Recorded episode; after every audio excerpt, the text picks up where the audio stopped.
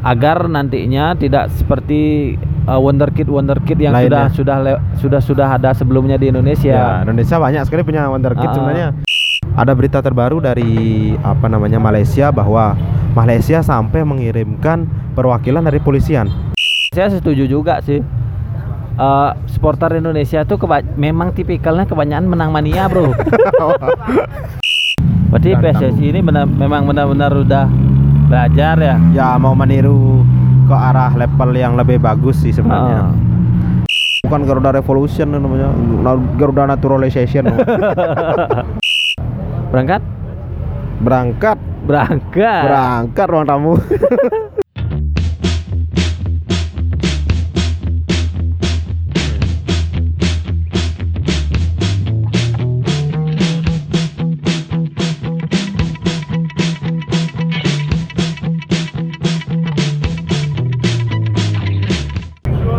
Hey, kalian kembali mendengarkan kami dari podcast Pandit Pinggir Jalan di episode ke-55. Bang benar 55. Iya ya, aku ngedit terakhir 55 ada dengar. 55 tuh yang belum diupload. Berarti sekarang take lagi yang ke-55 menunggu.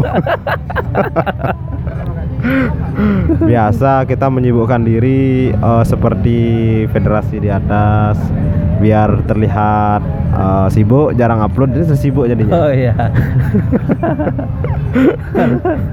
Eh, Biar nggak kelihatan gabut ya. Iya, biar kelihatan gabut.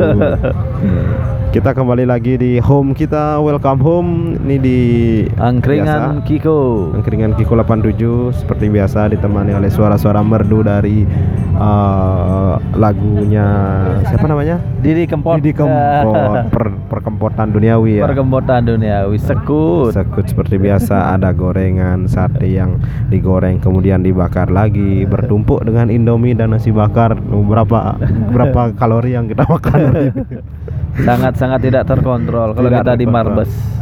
sangat tidak terkontrol seperti pekan ke-17 Liga Indonesia sepertinya tidak terkontrol ya banyak hal-hal yang di luar dugaan sepertinya hasil-hasil yang di luar dugaan beli Iya. eh kita gini dulu nih per- si- isi perkenalan nggak sih Eh, mungkin kali ini kita eh, tanpa kehadiran gini ya. Ah, Dwi ya ber- berdua aja jadinya kita berdua. kayak kayak komentator di Liga Indonesia ya. Dwi lagi misi perdamaian ke Papua. Kecek katanya kemarin. Iya. Kenapa eh, Bali United gagal berangkat ke dicek di sana. Atau gini, biar nggak mubazir tiketnya. Iya benar. Sebenarnya udah mau support, Mm. udah kadang beli tiket, Tiket ya daripada mau basir, jadinya berangkat. berangkat aja. Dari mana Pelabuhan Padang Bay? Kapan nyampe Papua kalau gitu?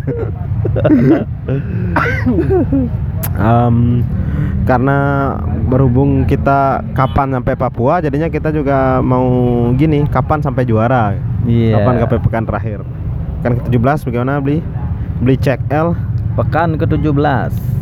eh di sini udah mulai gini ya, udah mulai eh, ada hampir semua sih tim-tim yang memakai pemain-pemain baru Pemain baru, sudah mulai transfer sudah dibuka ya? Ah, ah, sudah mulai diturunkan.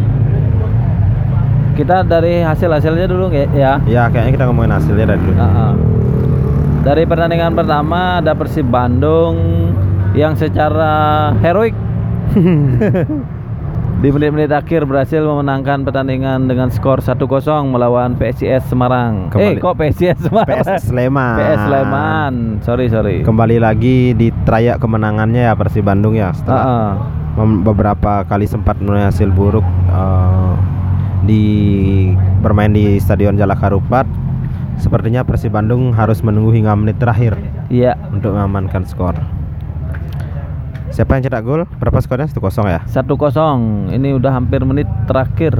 Benar-benar sampai terakhir saya kira itu bakalan jadi hasil seri tapi ternyata eh, pemain pengganti berhasil mencetak gol dan Siapa memastikan kemenangan Persib Bandung. Ramdhani, eh siapa ya? Lupa saya. Erwin Ramdhani. Erwin Ramdhani ya benar Erwin Ramdhani. Iya. Pemain muda asal Persib Bandung.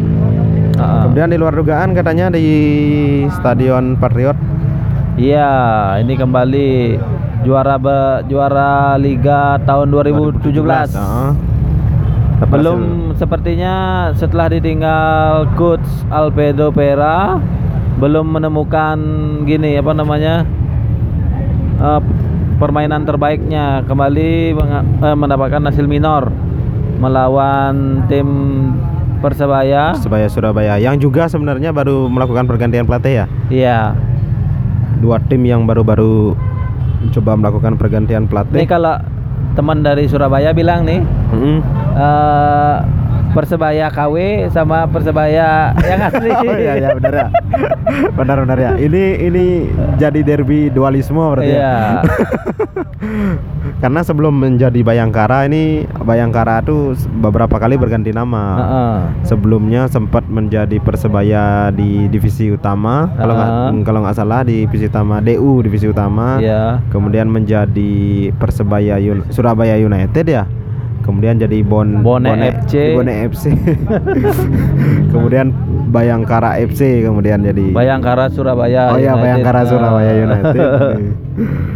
Pindah-pindah lisensi. Oh berarti ini salah satu derby gini yang kemarin kita bahas juga. der- Iya. Derby lisensi jadinya. Dan eh, pertandingan ini juga jadi gini pertandingan comebacknya striker Siana musim lalu.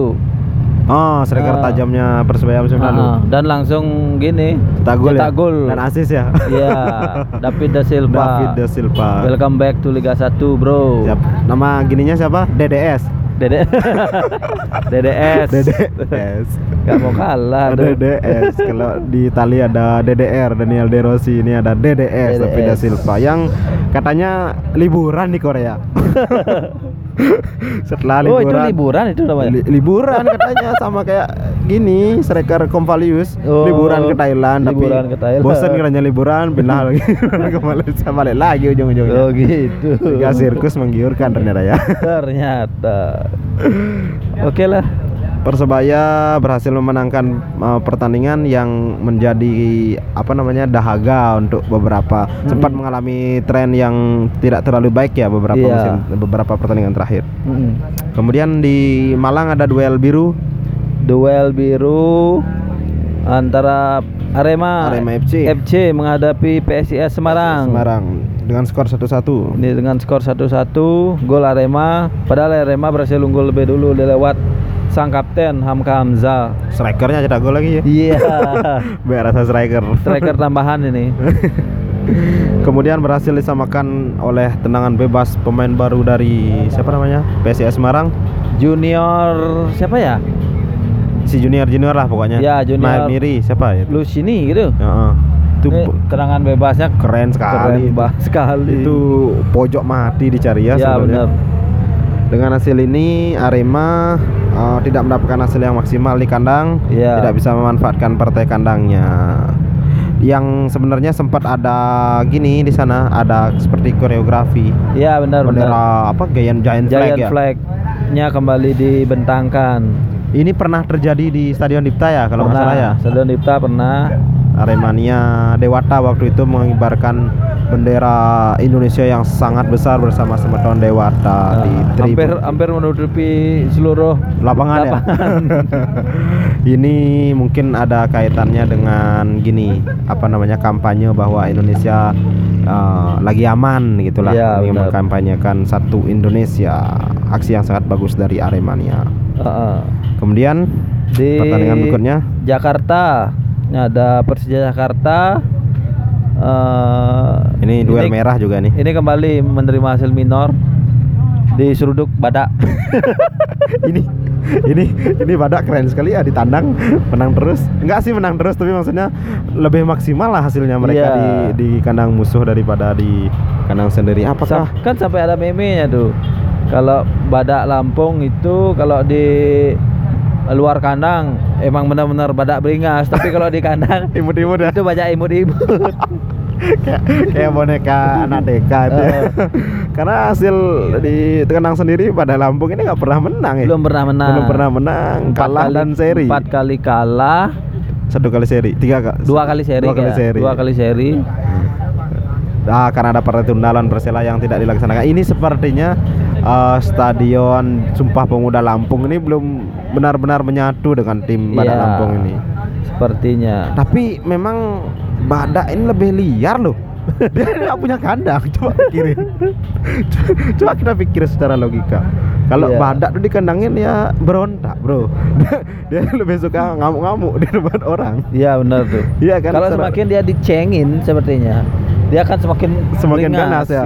Benar. Dengan hasil ini Badak Lampung berhasil keluar dari zona degradasi. Iya. Namun sementara. nasib buruk Perse- Persija ternyata dia yang harus mengganti mereka harus menggantikan dari um, Badak Lampung ini. Padahal Persija baru saja kedatangan uh, amunisi baru sebenarnya. Iya.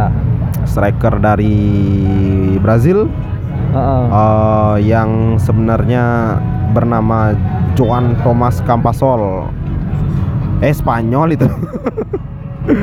Gelandang Spanyol Juan Thomas Campasol dan juga Sian Siando gitu pelatih eh, yang dari Brasil tuh lupa namanya.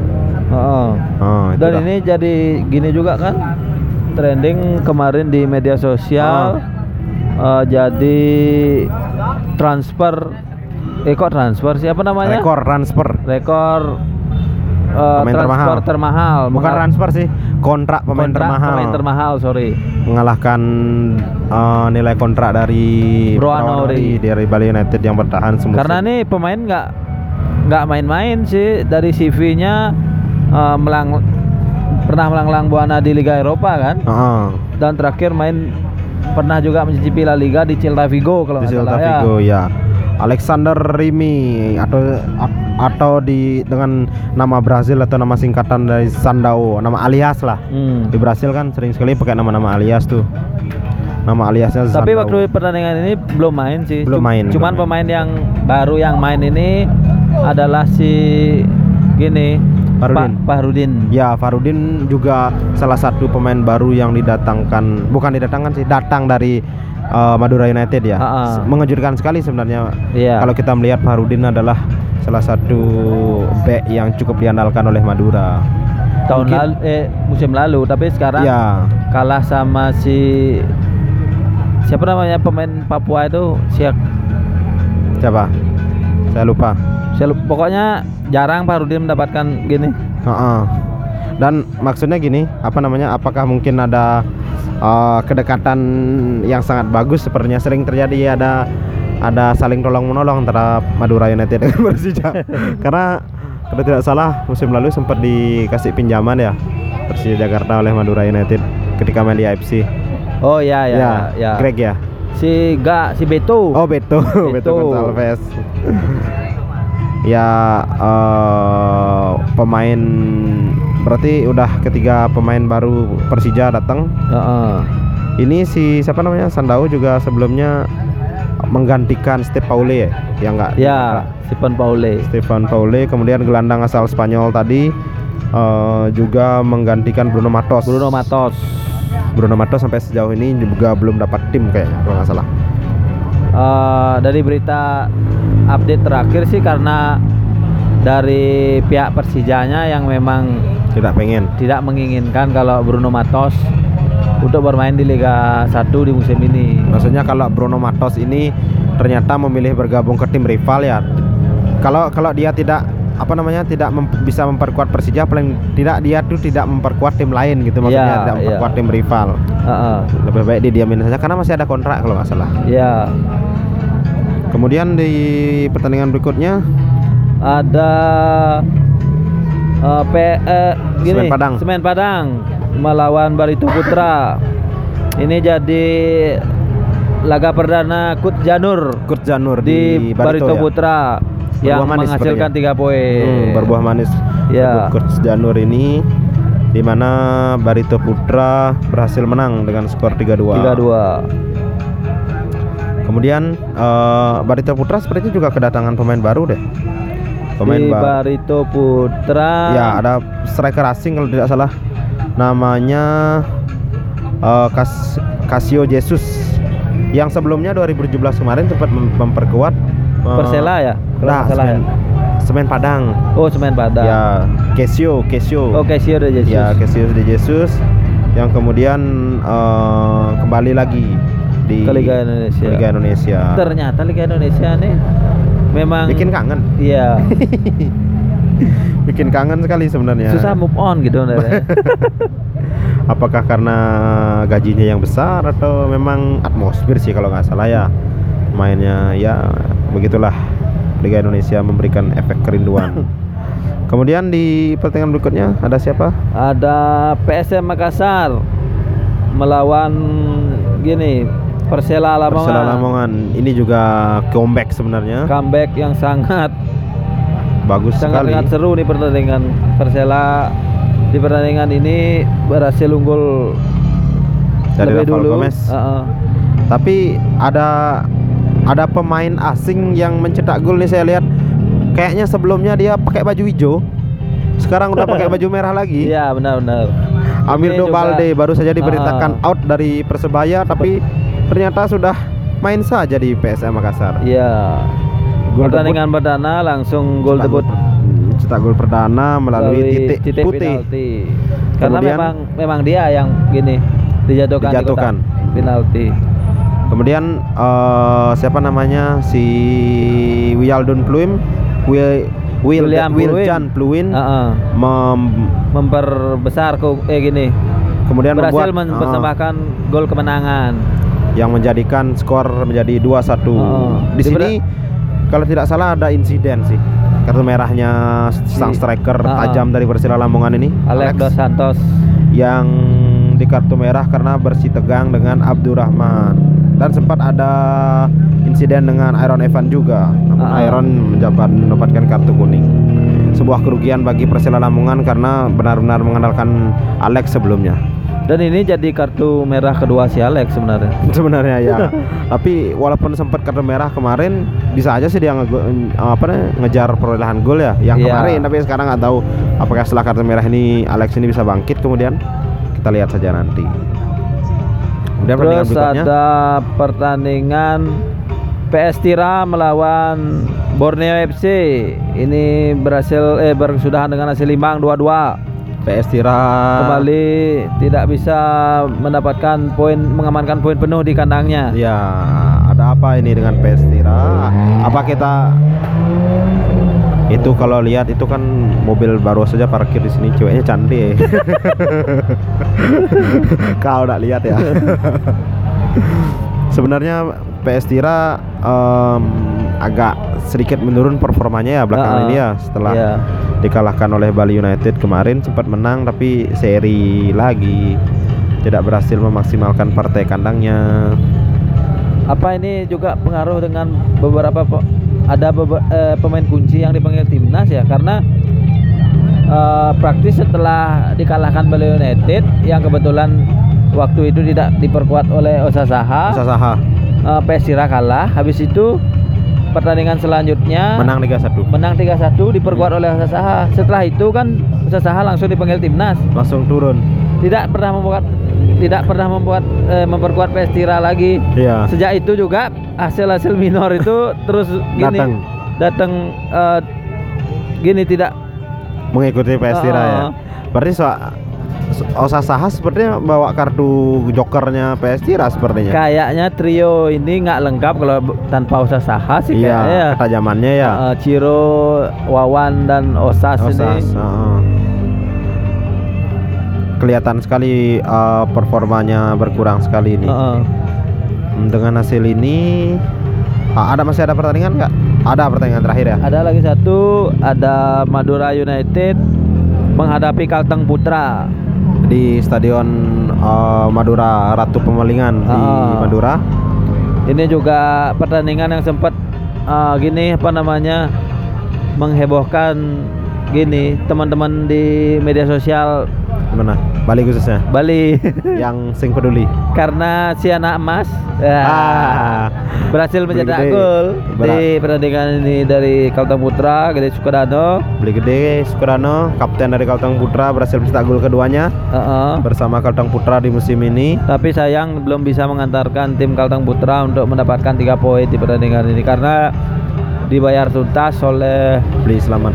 Gol dari gol dari Selamat Nur Cahyo ya. Ya, dua yang kedua. kali dua kali Mas Selamat mencetak gol setelah mengawali laga dari bangku cadangan Heeh. masuk kemudian membalikkan keadaan memberikan Ya, poin tiga bagi Madura United ya selamat lebih gini rupanya Selamat lebih, menyelamatkan lebih timnya. selamat ternyata ya selamat lebih selamat apa-apaan itu Di luar pertandingan ini ada satu pertandingan tuna seperti yang kita bahas di episode sebelumnya ya. Mm, Ada laga antara Persipura menghadapi Bali United. yang seharusnya digelar minggu kemarin Di ya, hari Minggu. kemarin namun ada apa namanya ada insiden yang terjadi di Jayapura sana yang Heeh. memaksa tidak bisa digelarkan digelar pertandingan karena izin keamanan tidak turun dari Iya. kepolisian.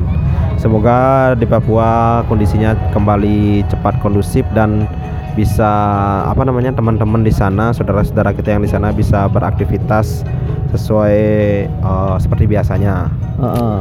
Oke, dengan ditutupnya pekan ke-17 ini berarti putaran pertama resmi berakhir Ya. dan mentasbihkan Bali United Sebagai juara paruh musim. juara paruh musim. Walaupun baru gini melakukan 16 16 kali partai di Tapi- pekan pertama. Ya, tapi memang layak karena eh, pesaingnya lumayan cukup jauh di peringkat kedua Tira Persikabo hanya mengumpulkan 33 poin ya. Heeh. 33 poin Disusul oleh Madura Madura United. 30 poin, Arema dan Persebaya di peringkat 5. Ini Derby Jatim peringkat 4 dan 5. Heeh. Kemudian peringkat 6 Borneo mas berhasil mengamankan posisinya di sana karena eh, kemarin tidak jadi kalah.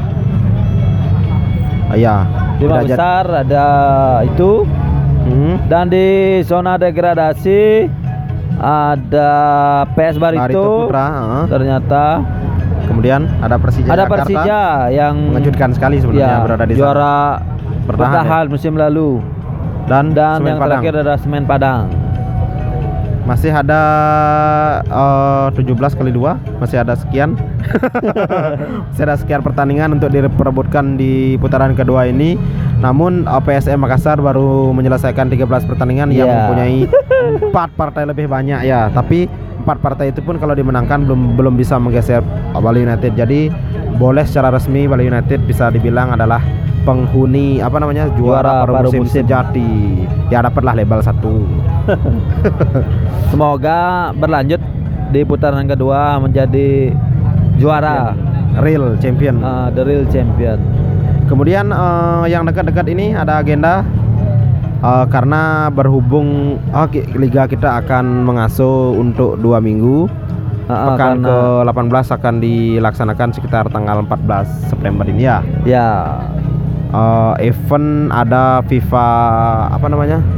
Ya, international event di eh, dua minggu ini di mana Indonesia akan melakukan eh, pertandingan resmi yaitu penyisihan per- Piala akhirnya kembali bisa menggelar partai penyisihan Piala Dunia. Ya, Piala Dunia zona Asia Tenggara. Heeh.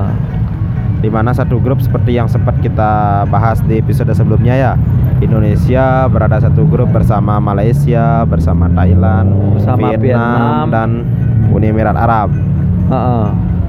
Di tanggal 5 ini Indonesia akan eh, memainkan laga perdananya di Gelora Bung Karno bersatu tuan rumah akan menghadapi musuh bebuyutan di kawasan Asia Tenggara sang tetangga serumpun yaitu Malaysia. Malaysia. Bagaimana nih? Kayaknya ha, kalau kita tik ini hari apa ya sekarang ya? Selasa. Hari Selasa berarti eh, lagi dua hari. Ya, Lagi Hamin dua dua. hari, Hamin dua Hamin dua partai perdana ini. Di mana sebenarnya ada setelah TC kemarin kita kan sudah sempat Ah. membahas tuh pemain yang yang sudah dipanggil TC oleh Coach Simon. Ya. Sepertinya ada beberapa perubahan ya. Seiring dengan ada beberapa pemain yang harus keluar karena cedera, kemudian ada pemain yang saya lucu nih yang ditimpa oleh Otavio Dutra. Persebaya benar-benar sial ya. Ketika TC Persebaya harus ditinggal Octavio Dutra, namun uh, menjerang laga yang akan dihelat Octavio Dutra dikembalikan lagi karena kas administrasinya belum selesai. Iya, benar sekali. Otavio Dutra menghadapi kasus yang sangat lucu. Eh, namun yang lebih eh, sial sih sini si eh, Greg si Greg ya. Greg harus dipulangkan karena menurut Coach Simon uh, kondisi Greg uh, tidak cukup fit untuk menghadapi, Untuk partai menghadapi- nasional- internasional ini. Iya. Namun yang sempat jadi polemik kemarin adalah bahwa Greg itu main. Main 90 menit waktu Ma- Madura menghadapi Kalteng ya. Ah, benar. Dan sempat juga ramai di media sosial kenapa Iya. Greg itu pulang namun malahan main di liga.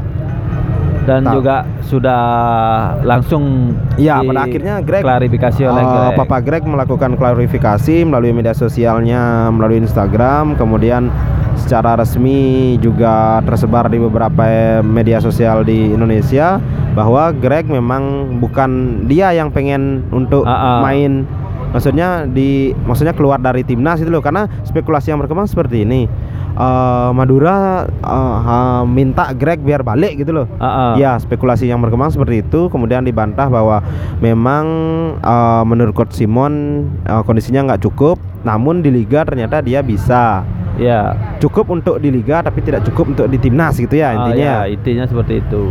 Karena kalau di timnas apalagi kita tahu eh, bagaimana rivalitas Indonesia Ya. dengan Malaysia terutama dan Partai penting juga ya. ajang ini juga jadi partai perdana kan, Mm-mm.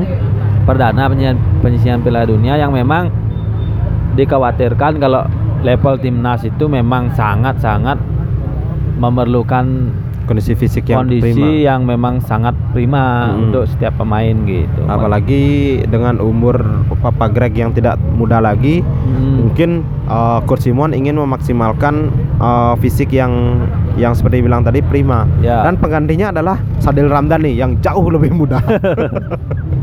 Sadil Ramdhani yang sebenarnya juga uh, masih layak untuk berada di level junior, namun beberapa kali dia sudah memperkuat tim senior ya. Iya, yang dipanggil mungkin pertimbangan Simon nih karena Sadil Ramdhani kan bermain di Liga Malaysia. Sedikit ya, tidaknya bener sedikit sedikit tidaknya tahu ya. tahu ah, ya, Tipikal ini, permainan. tipikal permainan pemain-pemain Malaysia. Dan juga sebenarnya di TC kemarin uh, ada darah muda yang ikut latihan. Ah, diundang ikut latihan itu ada dua itu si gini Kribo. Kribo. Si Kribo. Itu Marcelo. Marcelo Si- rasa striker itu. Si Bagus Kavi. Si Bagus Kavi. Ini kalau menurut Simon sih sebagai gini apa namanya? Pengalaman ya. eh, pengalaman dan apresiasi kepada si Bagus karena berkat penampilan apiknya membela timnas U18 di eh, ajang AFF ya kemarin itu. Ya, benar. AFF. Dan AFF. sekaligus sebagai gini apa namanya? eh, Coach Simon ini sangat bijak sekali sepertinya sebagai pelatih ya. Mm-mm.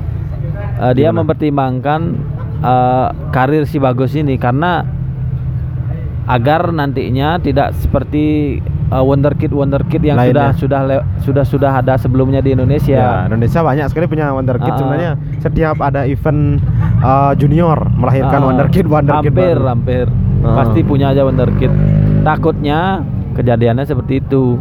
Keburu bersinar sebelum Waktunya. waktunya. Ah. Akhirnya si Bagus diundang katanya agar eh, dia bisa lebih gini men dapat level yang dapat lebih gini ya. dapat pelajaran dari senior seniornya Ya, secara langsung ya, Secara bukan langsung. secara kompetisi ya. dan juga ada lagi satu pemain Arema si Hanif Syabandi Hmm, Hanif juga Syabandi. diturut di Ikut. Diundang oleh Coach Simon untuk latihan bersama Ya, ini latihan bersama sebenarnya tidak ada ruginya untuk kedua belah pihak, baik itu pemain ataupun bagi timnas sendiri. Heeh.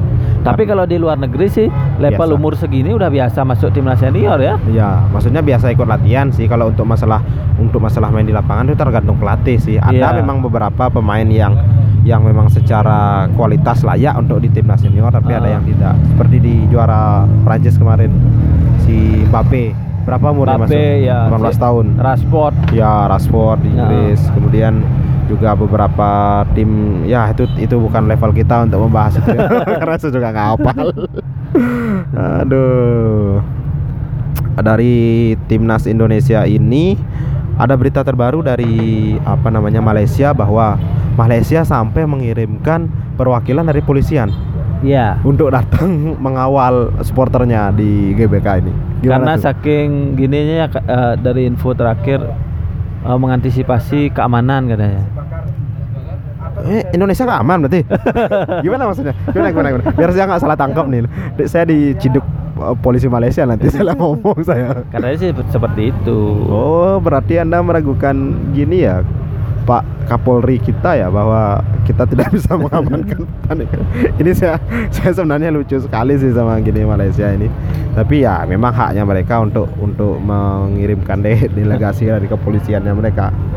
Dari sektor supporter sih eh, jatah untuk eh, Supporter. supporter Malaysia itu Ah. ada sekitar 3000 3000. 3000 penonton dari total kapasitas 77 penonton berarti Tapi masih- yang dari konfirmasi terakhir sih tiket yang sudah terjual baik itu dari beli langsung dan melewati farm info terakhir sih katanya 100 eh 1500-an. baru 1500 Heeh. Aduh, nggak terdengar suaranya, Bu. Nggak terdengar.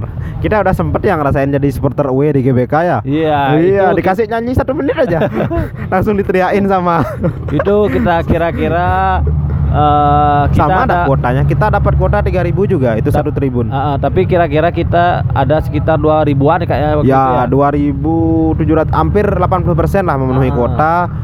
Itu supporter dari itu final gini ya, final Piala Presiden Piala 2018 ya. Presiden. Heeh.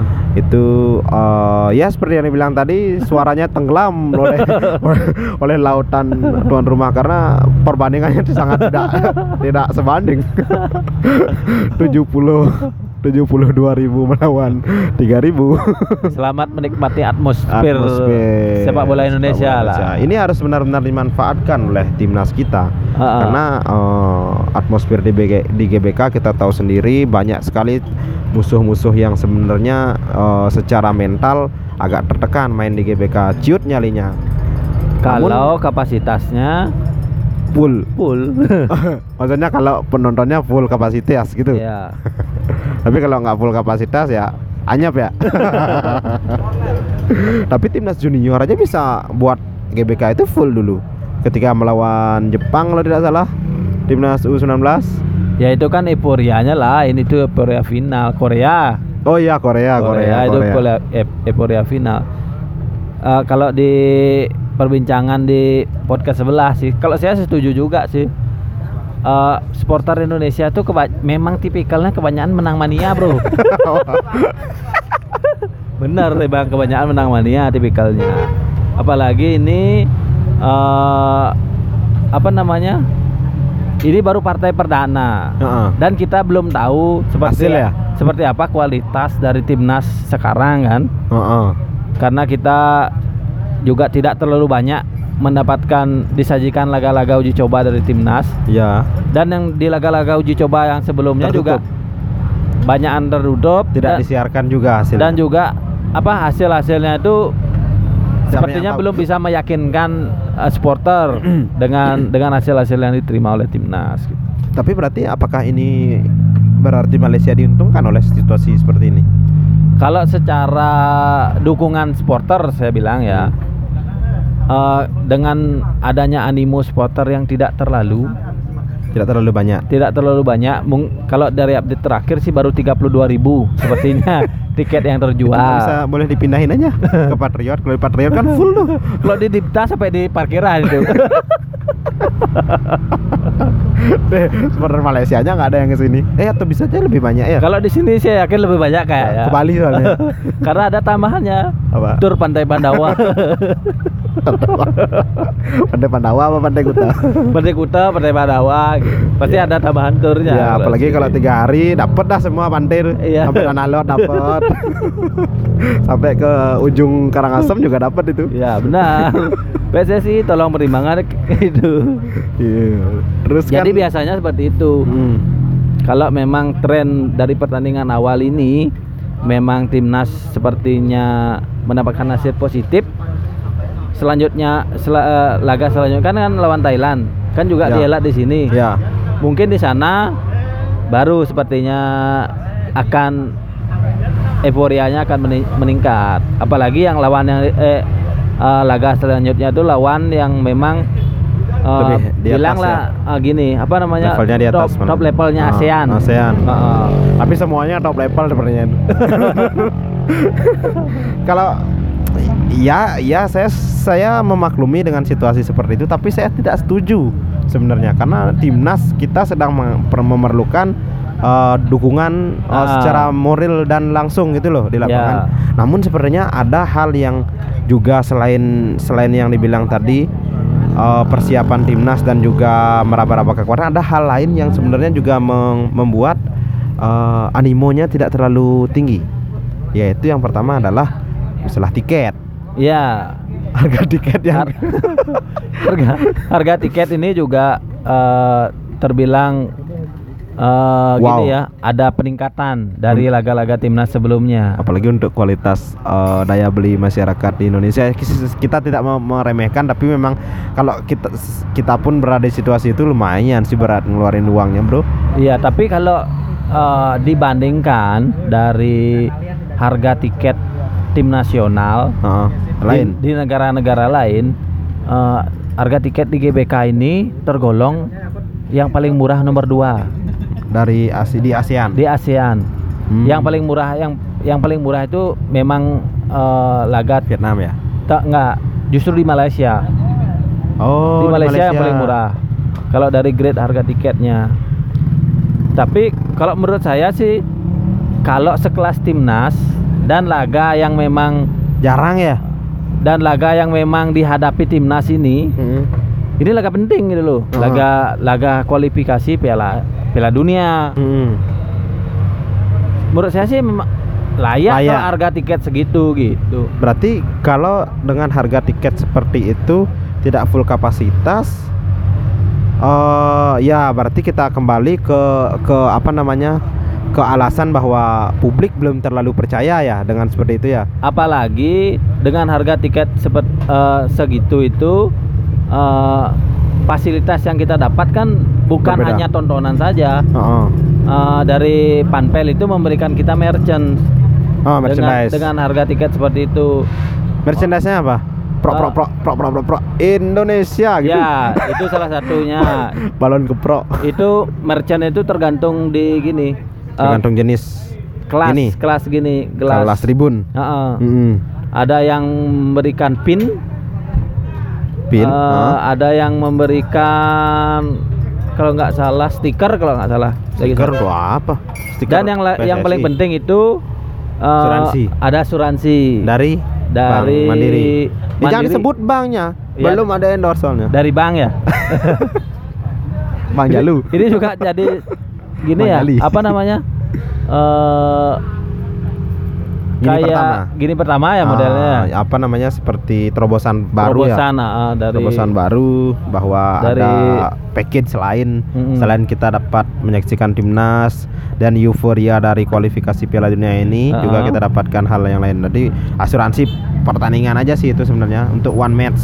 Ya, kalau ada apa-apa dengan teman-teman supporter, jadi sudah sudah diasuransi.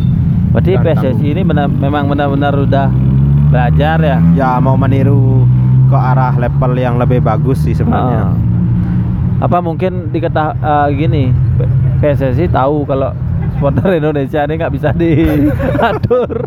Di asuransi aja lah semuanya. Asuransi aja. Eh, Kalau ada apa-apa ya tinggal gini klaim asuransi aja. ya semoga ini nih di titik awal bahwa timnas Indonesia eh, untuk ke depannya bisa dikelola lagi dengan baik. Mm-mm. Kemudian kalau kita ngelihat dari kita ngomongin masalah squad nih, Ya. menurut DCL gimana nih untuk di formasi dari squad yang ada karena memang kita sebenarnya buta ya dari dari masalah uh, pemain yang dipasang gitu kayak kemarin apa saya sih yang belum nggak nggak ada nyari-nyari informasi gimana nih? dari dari uh, pemanggil yang eh pemain yang dipanggil startingnya nih. Ya terserah. Mau starting kayak. Kalau dari starting dari penjaga gawang ya. Kalau dari penjaga dari penjaga gawang dari tiga penjaga gawang yang dipanggil Andi Tani Teja Pakualam dan si siapa nih pe- penjaga gawang Persira nih? Lupa namanya eh. Wawan eh bukan. Ya itu Bukan. dah. Eh, sudah pasti Andri Tani karena sekaligus sebagai kapten. Kapten, pemain yang paling senior di, Ah, ah. di sektor penjaga gawang ini. Iya. Kalau dari gini dari sektor belakang Seperti biasa, Yanto Em, Basna sih sepertinya ya. Yanto Basna eh, sepertinya di Temani oleh temani oleh si duetnya kapten timnas U23 kemarin dari Persebaya, eh, eh, si Han Samu Sian Samuyama, di kiri Ricky Fajrin. eh mungkin Ricky Fajrin kalau saya sih cenderung ke gini pemain persebaya yang dipanggil baru ini si Ruben Sanadi Ruben Sanadi, ya Oh. kapten Persebaya. dan di kanan ada Ada siapa? Putu gede. Putu gede baru aja nganten. di kanan nggak Nggak tahu. nggak tahu eh di kanan di kanan siapa ya Anda meraba-raba tanpa cotean sebenarnya ya. Iya. di Ah. kanan eh, Andika Itu ngarep namanya. siapa tahu ya bisa aja sih, tapi itu em, mm, saya masih meraba-raba sih sebenarnya masalah Mm-mm. formasi di timnas Indonesia ini. Tapi yang di tengah menurut saya sih eh, yang akan dimainkan kalau kita ngelihat dari eh, komposisi pemain ini satu tempat dah pasti milik Evan Dimas. sepertinya Ya, Evan Dimas yang di sana juga bersanding bersama wah sebenarnya masih masih baru juga nih Lili Pali. saya Apakah Lili Pali saya benar-benar buta ya sama Saya formasinya? rasa Lili Pali garansi sih kayaknya. Sampai Coach Simon berani memberikan eh, dispensasi Mm-mm. kepada Lili Pali untuk tidak bersaing, untuk tidak ikut bermain, eh untuk tidak ikut di TC. Sepertinya Coach Simon memang sudah mengetahui kapasitas seorang Lili Pali. Apa kapasitas? Di gelandang serang mungkin Lili Pali, di gelandang sektor bertahan mungkin ada Sulpiandi. ya, Sulfiandi. Di sisi Berarti ini kebanyakan dari gini ya, apa namanya? lulusan timnas U23 ya kalau kita lihat ya. Seperti Ah, ini banyak yang juga di sih. Asian Games kemarin Ah. sih ya. di sektor di sektor sayap mungkin ada Andik yang akan dipasang. Mm-mm. Di sektor tapi eh, tadi eh, saya koreksi sedikit ini nih belakang kemungkinan kalau tidak salah duet Ansamu Ansamu Victor Igbonevo Iya, kalau saya Atau- cenderung itu. eh, Yanto Basna dengan Victor Ig- Igbonevo untuk untuk menjamin garansi di lini belakang. Karena main-main yang sudah punya caps lumayan banyak ya untuk timnas ya. Ya, di belakang. Kemudian di lini tengah sebenarnya kita punya Andik Firmansyah Evan Dimas Menahti Lestusen Rizky Pelu Sulfiandi Stefano Lilipali Greg yang nggak jadi Greg maksudnya. Irfan Jaya. Tapi ini ini lebih ke tengah ke depan sih sebenarnya. Ya. Kalau di depan kayaknya sudah pasti diisi oleh Beto. Beto, Ah, Beto dan Osa Saha Ya, apakah eh, si eh, coach Simon ini memakai formasi 4 3 1 2 atau 4 3 3 kalau dari formasi di gini yang terakhir sih eh, Coach Simon lebih banyak menerapkan formasi 3 back sejajar. Oh berarti 3 4 3 ya 3 5 2. Oh 3 5 2 nya Conte dipakai 3 back sejajar berarti wing backnya eh, agak maju ke depan kalau kalau Iya. wing back agak maju ke depan ini sepertinya memang cocok untuk tipikalnya eh, John Alvarizi atau Jona si Parisi nggak jadi dipanggil, coy. Oh ya kebalik ya cedera ya Heeh. Eh, siapa namanya eh it- it- itu eh, Persebaya Ruben Sanadi. maksud saya Iya. aduh maksud saya ngomong Ruben Sanadi tadi kok John Alvarizi Ruben Sanadi Ah. sepertinya. Yanto Basna juga bisa. Iya Yanto ya, Yanto Hmm. juga bisa ya, Yanto. Oke timnas saya masih gini menunggu eh, hasil untuk di eh, nanti di pertandingan pertama. Heeh. Tapi dari susunan pemain-pemain yang dipanggil dari 25 pemain ini sih memang saya rasa sih memang pemain-pemain Cocok. terbaik Yang ada. yang ada di Indonesia Mm-mm. sekarang. Mm. Dari 25 ini deh, Mm. kira-kira Kapten. kapten kan udah pasti. Ada nggak dari yoga beli yoga yang kira-kira perlu satu atau dua pemain untuk melengkapi lagi kalau menurut beli yoga? Udah kemarin. Udah ya? Ceknya episode yang kemarin episode ke 54 ada perlu satu yang tapi bu, sepertinya memang bukan tipikal Coach Simon ya karena Coach Simon ini memainkan bola-bola pendek sih sebenarnya cenderung Ah, saya, saya, saya suka si kapten kita Fadil Sausu. Ah. karena tapi ya seperti yang bilang tadi nggak dari lihat striker aja nggak ada striker coba jangkung yang Iya. memang bukan tipikal bola-bolanya siapa namanya bola-bolanya Fadil. Fadil Ah. Ya itu sih Kalau saya sih gini, eh, menarik menunggu si gini, Dutra nggak Maklok. oh Mark Locke Yang yang, terakhir prosesnya kali- belum rampung naturalisasinya Udah bukannya? udah udah rampung Udah rampung sepertinya. Yang terakhir kan memang malah diundang kan oleh Coach Ya, udah Simon lan- lan- untuk udah mengikuti TC. TC. Heeh. Tapi untuk yang sekarang eh, justru tidak di- dipanggil oleh Coach Hmm. Simon. Menarik untuk di nanti itu nanti gini Garuda bukan Garuda Revolution namanya. Na- Garuda Naturalization. Apalagi kalau Tavio Dutra udah udah beres udah kelar balik lagi. Dari depan ada Beto kemudian ada apalagi Usaha untuk ke depannya kalau emang gini Lord kita tambah moncer Suaso Spaso Woi, bisa sih sebenarnya kalau kita ngatur gini ya apa namanya starting naturalisasi ya? Bisa Weh, ya? bisa. Dari belakang oh mungkin penjaga gawang yang belum kita punya. Yo Jaihun panggil. Belum.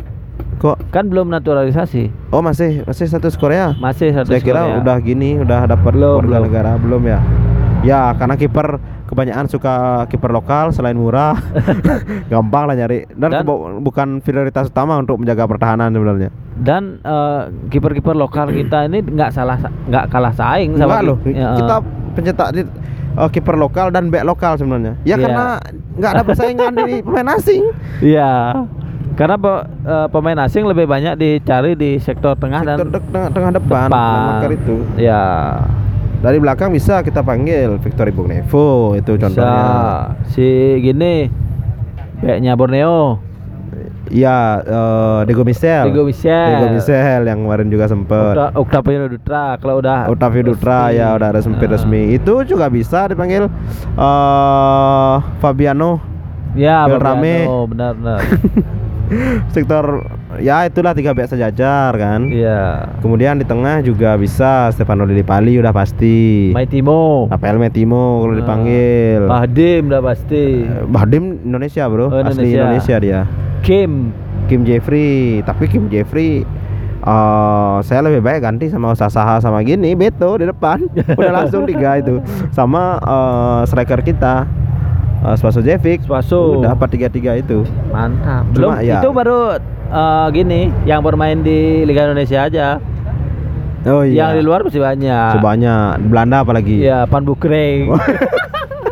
aduh fenomenal, fenomenal. fenomenal itu aduh itu juga siapa namanya Ko- Kosel Kosel Oh, Tommy Tony Kusel. Tony Kosel itu zamannya itu ya Metimo ya Ya. barengan sama Metimo. Terus itu juga kita sebenarnya punya Van Dijk. Eh, Iya. Dijk. Bener nggak Van Dijk? Bener, Opa Van Dijk. Gimana nasibnya dia? Iya. Apa perlu di- enggak sih kalau kalau lini depan soalnya kita udah punya banyak Udah ya, banyak, perlu dipanggil sih. Iya. Ya sebagai menu-menuhin gini aja kota. Buat pakai pakai latihan. Aduh, ini timnas Indonesia semoga bisa mendapatkan hasil yang maksimal dan nanti bisa lolos ke nggak muluk-muluk sih sebenarnya Lolos. ke gini aja nggak udah bagus kan Putaran selanjutnya. putaran selanjutnya Ah. karena akan ditunggu lagi setelah putaran ini ada putaran kedua di mana ada dua uh, maksudnya juara grup yang lolos nanti bukan dua sih juara grup lolos untuk jadi 8 grup kemudian Heeh. uh, ada Runner up Hmm, terbaik ya? empat empat runner up terbaik untuk menggenapi 12 tim yang akan dibagi dua grup nanti Iya. kemudian baru disaring lagi menjadi empat pemain empat grup empat tim saja namun satu tim akan mendapatkan jatah playoff dari peringkat ketiga Melawan Sona Oceania ya. Eh, enggak Comnebol. Oh, kamu nebel. Eh, di atasnya Comnebol apa? Concacaf ya? Oh, Jadi, Concacaf. ah, ah, Concacaf. Australia kan? Nah, kon oh sininya Australia itu. Itu di Amerika sana, Amerika Tengah. Oh, lawan Selandia Baru yang gitu. Bukan, Amerika Tengah. Dien Selandia Baru orang Sengusenia Ya, pada kita eh, tunggu sampai sejauh mana kiprah timnas Indonesia. Perlu ngomongin jadwal nih, enggak masalah. Nggak usah dah ngomongin jadwal. Udah gini Yang ya. penting jadwal di awal aja tanggal 5 ada lawan Malaysia. Malaysia, Diterus diteruskan oleh tanggal Thailand. tanggal 10. tanggal 10 lawan Thailand. Nah, berangkat? Berangkat, Berangkat. berangkat ruang tamu. Pizza boy eh tapi di, kemarin ada isu ya mau nggak disiarin ya? Oh iya. Bukan bukan ada isu sih sebenarnya, ada ketidakjelasan. Ah. Karena sebelumnya kan RCTI yang mau nyiarin tuh. Iya. RCTI mau nyiarin seperti biasa, kemudian tibalah datang itu ikan mola itu nongol mau memberikan statement bahwa timnas akan disiarkan melalui Mola TV. Tapi sepertinya publik udah terlanjur gini, trauma sama Liga Inggris yang susah diakses. Apakah nonton timnas itu sampai sampai trending loh, eh, sampai- sampai banyak ada beritanya nonton timnas jadi persulit gimana mau menang gitu. Enggak kan terakhir ada siaran langsung. Ya update terakhir TVRI. TPRI coy. Ya, seperti biasa itu partnernya Mula TV TVRI ya, karena emang itu sih yang punya gini ya Ini hebat nih direktur utamanya Bung Helmi Yahya. Ya, Bung. Selamat. Bung Helmi kan memang pecinta bola kita tahu sendiri Mengejutkan ya TPRI tahun ini ya. Berhasil mendapatkan Liga Inggris. Liga Inggris kemudian mendapatkan timnas juga Ya. ya sepertinya memang pemerintah lagi pro sepak bola Oke kita sudah sudah sudah sudah sih saja ya Ya. omongan yang sedikit ngawur ini sebenarnya di episode ke-55 Eh, dari yang keringan Kiko. Kiko 87 kita berdua undur diri ciao Ciao.